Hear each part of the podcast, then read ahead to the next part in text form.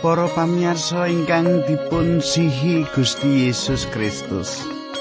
Sugeng winangge malih kalian kula pendeta Pujiyanto wonten ing salebetipun adicara margi utami. Adicara ingkang sampun dados klangenan panjenengan. Kados pun dipawartos panjenengan kadang kula kula suwun panjenengan tansah binerkahan dening Gusti lan tansah jinangkung dening Gusti. Kados padatan panjenengan kula dherekaken anggegilut nderekaken sinau minangka tambahing kafruh panjenengan babagan-babagan kayektosan kayektosan saking kitab suci kita. Menika pengajeng-ajeng kula panjenengan kathah nampeni berkah kasukman lumantar adicara menika. Lan saged migunani kangge gesang panjenengan wonten ing jagat menika sugeng midhangetaken adicara menika.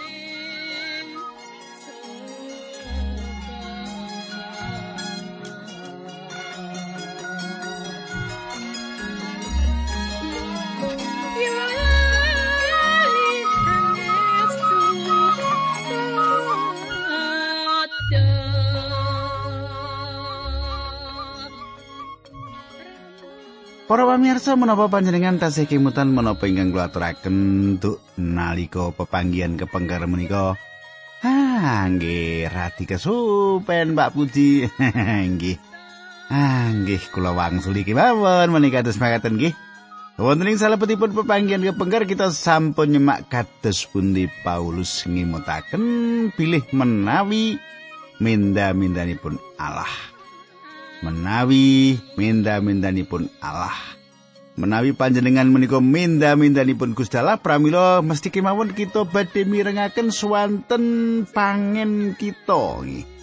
Swanten pangen kita mboten sanes inggih menika Gusti Yesus Kristus. Kasebangsalipun menawi kita mboten purun mirengaken swanten Gusti Yesus minangka pangen kita pramila kita tentu kemawon sanes mindo-mindo kagunganipun Gusti Allah. Salajengipun kados pundi kelajenganipun kita badhe lajengaken ing tutur menika nanging saderengipun menika monggo kita tumungkul kita ndedonga langkung rumiyin. Duh Kanjeng Rama ingkang adhedhampar wonten kratoning kasuwargan kawula ngaturaken gunging panuwun menawi wekdal menika kawula saged tetunggilan saged sesarengan kalian sederek kawula ingkang setya tuhu midhangetaken adicara menika. Kawula nyuwun tuntunanipun Gusti lan nyuwun berkah paduka ing pepanggen menika linambaran asmanipun Gusti Yesus Kristus kawula ndedonga. Haleluya. Amin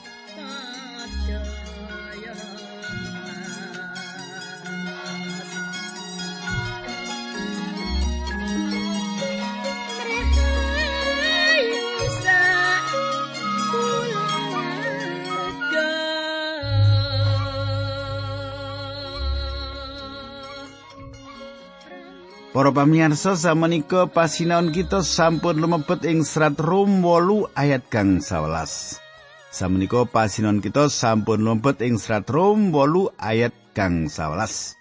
Makaten surah sing pengantikan tak wacake alon-alon nggih.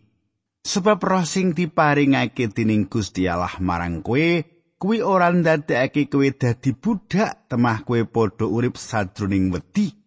Nanging kosok baline roe Gusti Allah kuwi ndadekake kowe dadi para putrani Allah. Lan merga pangre roe Gusti Allah kuwi kita padha nyebut Gusti Allah Romo Romoku Para pamirsa panjenengan gatosaken sebab roh sing diparingake dening Gusti Allah marang kowe kuwi ora ndadekake kowe dadi budak temah kowe padha urip sajroning wedi Pangantikan menika sanes roh ajrih ing salebetipun panjenengan ingkang tansah tanglet kahanan kasukman panjenengan. Ingkang andadosaken panjenengan tansah suntrut lahan manah panjenengan kraos remo mboten makaten. Nanging ingkang wonten ing panjenengan inggih menika sang roh. Ingkang kapenuan kabingahan awit panjenengan menika putranipun Allah Lan Sang Roh Allah ingkang wonten ing salebetipun panjenengan menika badhe nyebut Rama, Rama kula dumateng Gusti Allah tentunipun nggih. Tembung Rama menika sejatosipun saking basa Aram ingkang dipun jarwakaken Rama menika nggih Rama menika basa Aram ingkang dipun jarwakaken Rama menika. Priyantun ingkang jarwakaken kitab suci basa Inggris kawitan ingkang kathah mangertos babagan pangandikanipun Gusti Allah ingkang pitados pilih kitab suci menika pangandikanipun Gusti Allah mboten purun jarwakaken tembung menika tetep ngangge basa Aram. Aba utawi ing basa Aram inggih menika tembung ingkang pribadi sanget ingkang saged dipun jarwakaken bapakku. Kita mboten ginakaken tembung menika kangge nyebat Gusti Allah awet kuatos menawi kita dados raket. Raket sanget kalian panjenenganipun ingkang tununipun kita mboten ngajeni Gusti Allah. Nanging tembung menika nglairaken panyebut ing manah mliginipun wekdal wonten ing salebetipun masalah. Nah katang kula kita lajengaken ayat 16. Roh Gusti Allah mau bebarengan karo roh kita nglairake paseksi yen kita kuwi padha dadi putrane Gusti Allah. Para pamirsa, kula mangertos kayektosanipun ing wekdal ingkang kawitan sepindah kula sakit ingkang cekap awrat ngantos kula kedah dipun beto dhateng griya sakit. Kula namung sakit ningali tembok kados Yeskiel lan kula matur Gusti, Gusti, Kulo sampun asring wonten ing griya sakit menika inggih menika kangge ngladosi tiang-tiang ingkang sakit. Kulo sampun nyepengi asta sawetawis tiang lan ndongaaken sederek-sederek menika lan kulo sanjang dumateng sederek-sederek. Percaya marang Gusti, Gusti bakal paring pitulungan dumateng panjenengan. Gusti kulo sampun nyukani mangertos sederek-sederek menika kados makaten. Nanging inggih menika kulo kawitan pindah wonten ing mriki. Samenika kula gadah kekajengan mangertos menapa ingkang kula sanjangaken menika leres menapa mboten. Kula gadah kekajengan paduka dadosaken tembung-tembung kula menika nyata menawi paduka menika rama kula. Kula gadah kekajengan mangertos. Lan kadang kula menapa ingkang dumados? Panjenenganipun andadosaken tembung-tembung kula menika nyata. Ing wekdal kados makaten menika Sang Roh Allah nyebat Rama Rama kula. Sang Roh menika nyebut wonten ing salebetipun panjenengan. Kados menapa endahipun tiang menami pitados dumateng panjenenganipun menika? Pasrahaken badan panjenengan dumateng panjenenganipun. Sampun menapa dereng? Nggih panjenengan sumarah kalian Gusti Allah. Mangke mawon Pak. Nek sepuh ya. Wong wis tuwa malah dipasrahake karek karek matine wae kok. Gitu kula lajengaken ayat 17 Lan sarene kita dadi putrane Gusti Allah mula bakal padha nampa saking panduman sing kacadhangake dening Gusti Allah marang para putrane mau bebarengan karo Sang Kristus. Kita uga bakal tampa samubarang sing kacadhangake dening Gusti Allah kagem Gusti Yesus Kristus sebab menawa kita nglakoni sangsara bebarengan karo Sang Kristus kita uga bakal oleh panduman kamulyane Sang Kristus mau. Para pamirsa, makaten surau sing pangandikan. Nah, panjenengan katosaken tembung mula. Tembung menika ngiyakinaken kasunyatan bilih putra Allah badhe nandang sesarengan kalian panjenenganipun. Kulo yakin tembung menika saged dipun jarwakaken wiwit kita nandang sengsara bebarengan karo panjenengani. Manut kula manawa ing mriki mboten ngantos penting sanget kados tiyang sanes ingkang mestani. Lajeng ingkang dados pitakenan kula kangge panjenengan inggih menika menapa ingkang panjenengan pikul kangge panjenenganipun ing wekdal menika? Menapa kemawon? Paulus nyetakaken bilih ingkang badhe kita langkungi inggih menika perkawis ingkang enteng. Nanging wonten ingkang awrat, awrat kangge kelanggengan lan kaluhuran ingkang badhe kita tampani mangke ing salebetipun kelanggengan kita gadah pengajeng-ajeng bilih kita sampun nandang kasangsaran sekedhik kunjuk panjenenganipun awit inggih menika cara panjenenganipun gula wentah lan nglatih kita. Supi panjenengan sama Ibrani kali welas ayat 6 kadang kula yo karo dibuka nggih cepet nggih Ibrani kali welas ayat 6. Gusti Allah merti saben wong sing ditresnani sarta mencuti saben wong sing kaanggep putra.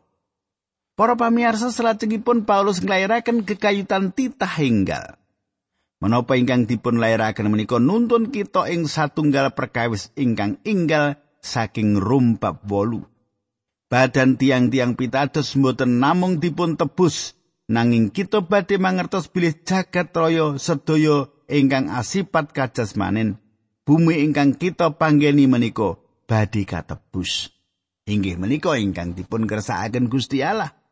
Kasunyatanipun kita saweg nglironi bumi sepuh menika kalian bumi ingkang enggal. Satunggal model enggal.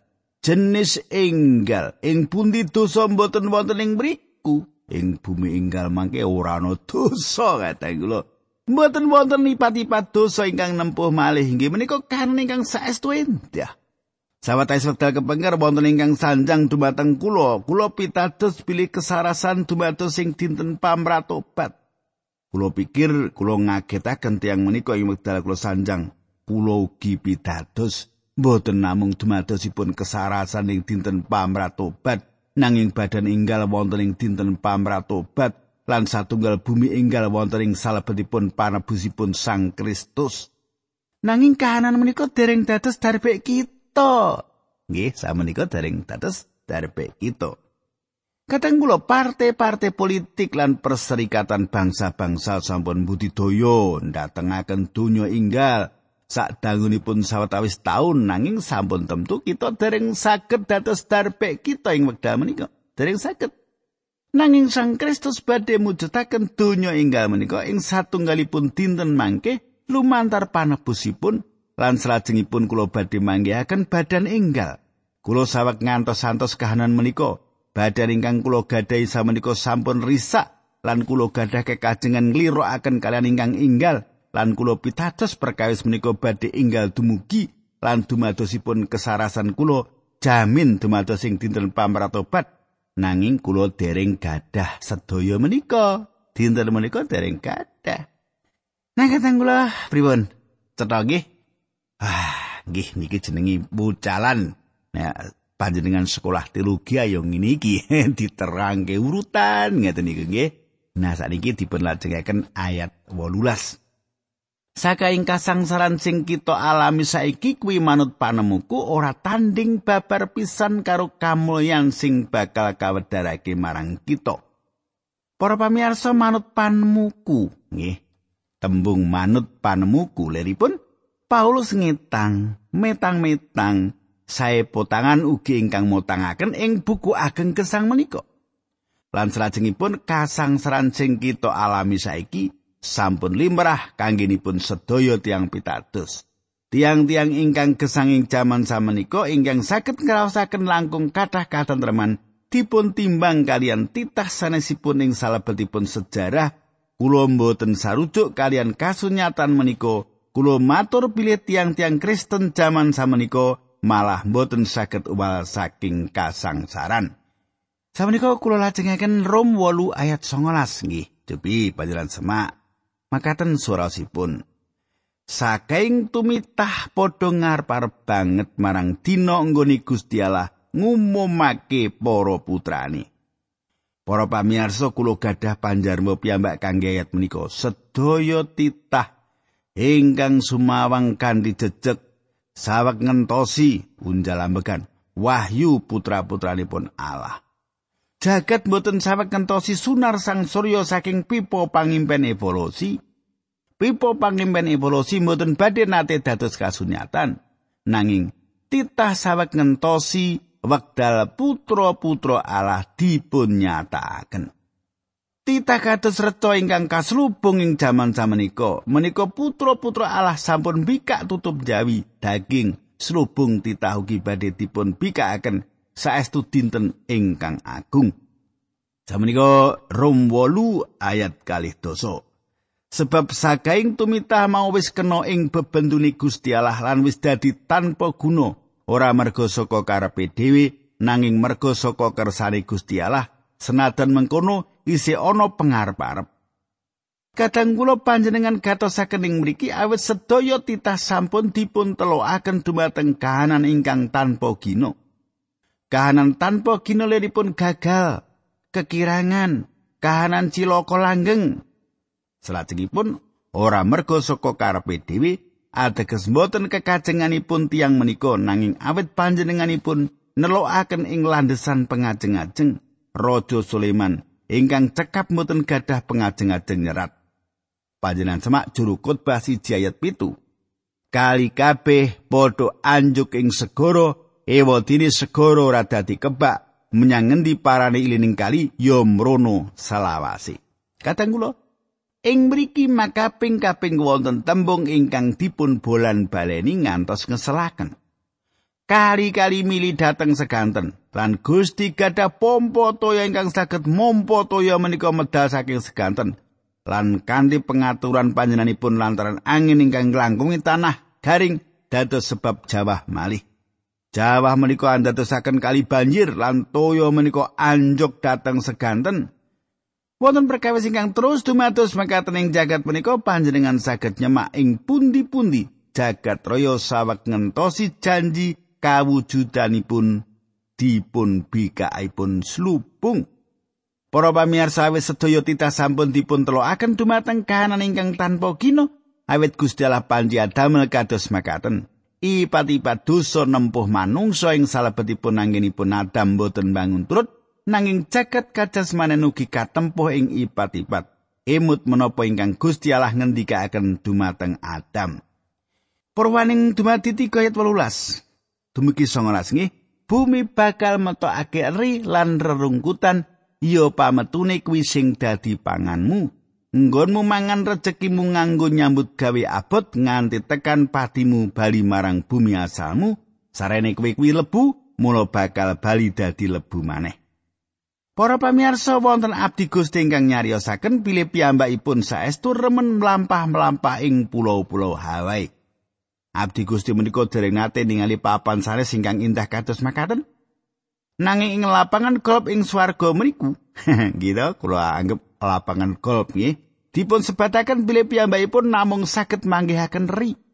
Piyambakipun namper bal tebih nggih namper ditamper bal tebing jawi lapangan suket ingkang inggil lan piyambakipun dereng nate manggih ri ingkang kathahipun kados makaten menika ing papan sanes.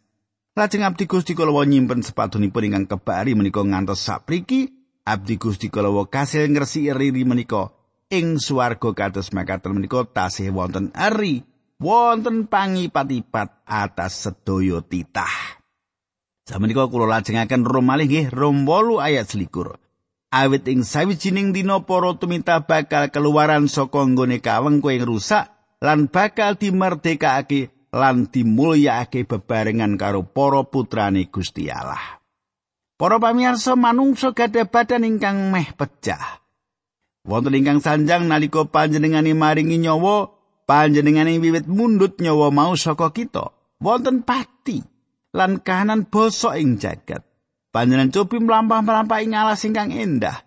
Lan wonten ing mriku panjenengan badhe manggihaken wit ingkang pecah, wit ingkang risa, wit ingkang basa inggih menika jagat. Lan panjenengan saged ngambu basa ing batanging kewan ingkang pecah. Menika nek wonten jagat nggih. Kula lajengaken ayat kali likur rom wolu. Kita padha ngerti yen nganti seprene saking tumitah kuwi padha sengresah. Ngrasakake lara kaya wong wadon sing lagi nglarani. Kadang kula Browning ing salebetipun buku pipa pasesien pun nyerat. Gusti Allah mapaning kasuwargan. Jagat sae-sae iki mawon menika tulisanipun. Para pamirsa tiyang Kristen mangertos menawi perkawis menika mboten leres. Gusti Allah wonten ing kasuwargan sae-sae kemawon nanging mboten kados makaten gagayutan kalian jagat gitu. Jagat ora sae-sae kemawon. Pangantikanipun Gusti Allah langkung nyoto ing Yudas tunggal ayat 18 meratelaken makaten ganteng kula.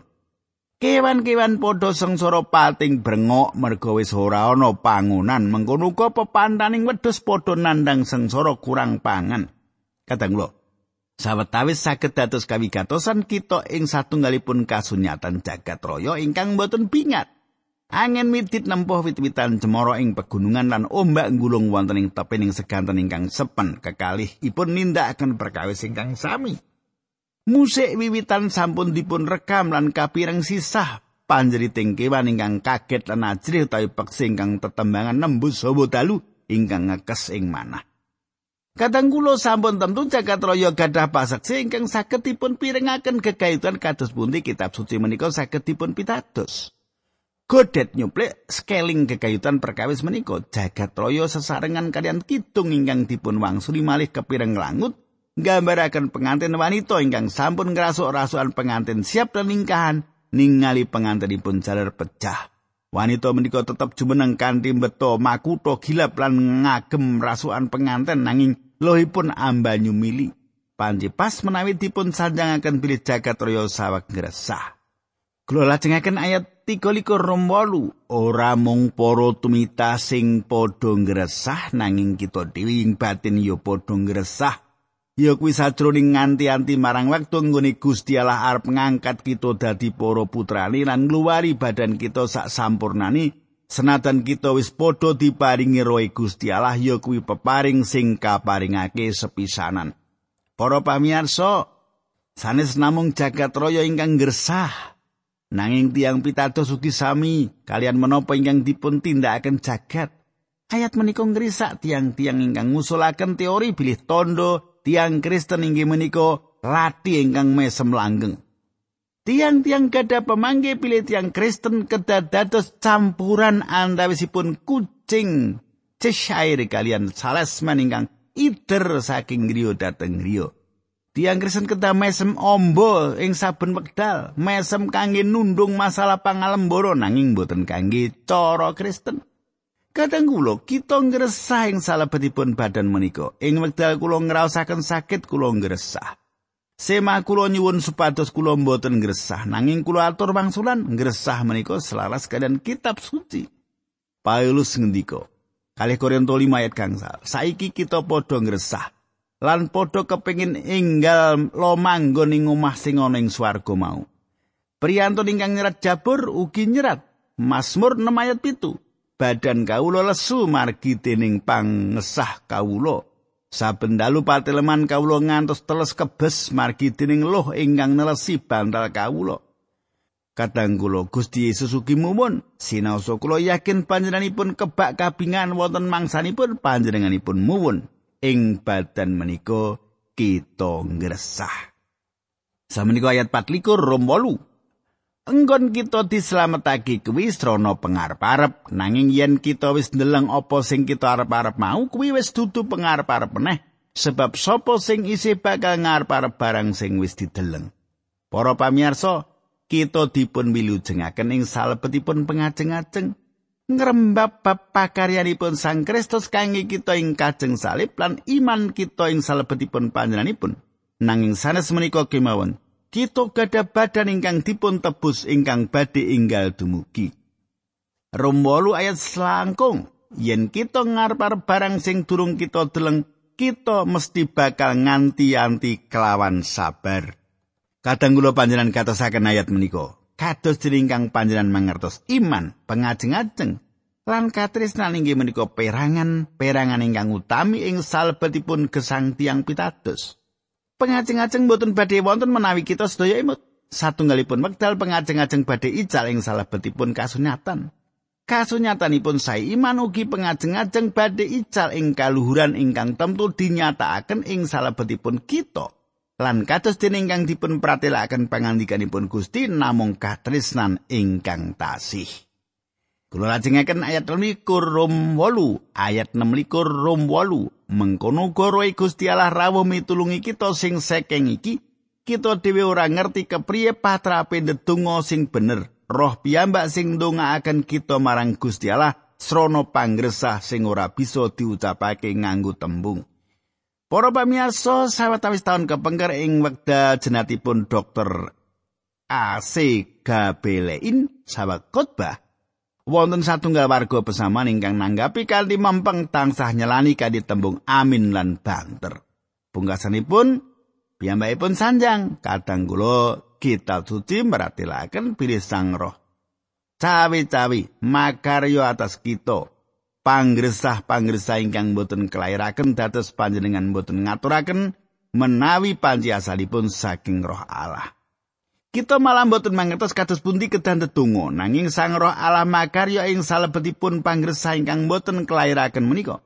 Menapa nate panjenengan sowan dumateng Gusti Allah ing salebetipun dosa, kamangka panjenengan babar pindah boten mangertos menapa ingkang badhe panjenengan dongaaken. ingkang saged panjenengan tindakaken satunggal tunggalipun inggih menika sowan dumateng panjenenganipun lan matur Rama Panjenengan boten saged nyuwun menapa-menapa awit panjenengan boten mangertos kedah nyuwun menapa. Ing kahanan ingkang kados mekaten menika Sang Roh mbiyantu kita ing salebeting karingkian kita. Kados menapa indahipun katang kula. Nah, sak menika Rom 8 ayat 17. Gusti Allah mirsa isining atine manungsa pirsa apa sing dikersake dening Roh mau sebab roh kuwi ndongake para umat Gusti Allah condong karo sing dadi kersane Gusti Allah. Para pamirsa, menawi kula sowan dumateng Gusti Allah ing salebetipun donga lan matur, paduka tilingaken talingan paduka Gusti kula gadah kekajengan paduka nindakaken makaten lan makaten. Pramila kula mboten nampi jawaban kados ingkang kula kajengaken, nanging kala-kala indah raosipun menawi jawaban menika kados ingkang kula kajengaken. Nanging kala-kala indah raosipun menawi sowan dumateng Gusti lan matur Gusti, kula mboten mangertos kedah nyuwun menapa, kula mboten mangertos kedah sanjang menapa nanging kula sowan dumateng paduka minangka jejeripun putra lan dumados selaras kalian karso paduka lan Sang Roh Allah badhe cawe-cawe atas kita selaras kalian kersanipun kados menapa indahipun para pamirsa. Nah, Kadang kula kula cekapi semanten rumiyin tak sigek nggih dilajengaken dinten candhake. Mula panjenengan aja nganti lali, nggih ta? Nah kadang kula kita ndedonga rumiyin nggih. Duh Kanjeng Rama ingkang adhedhampar wonten kraton ing kasuwargan kawula ngaturaken gunging panuwun menawi wekdal menika kawula saged tetunggilan kalian sederek-sederek kawula ingkang setya tuhu midhangetaken adicara menika. Kawula nyuwun Gusti berkahi sedherek kawula menika linambaran asmanipun Gusti kawula Yesus Kristus kawula netunggal haleluya. Amin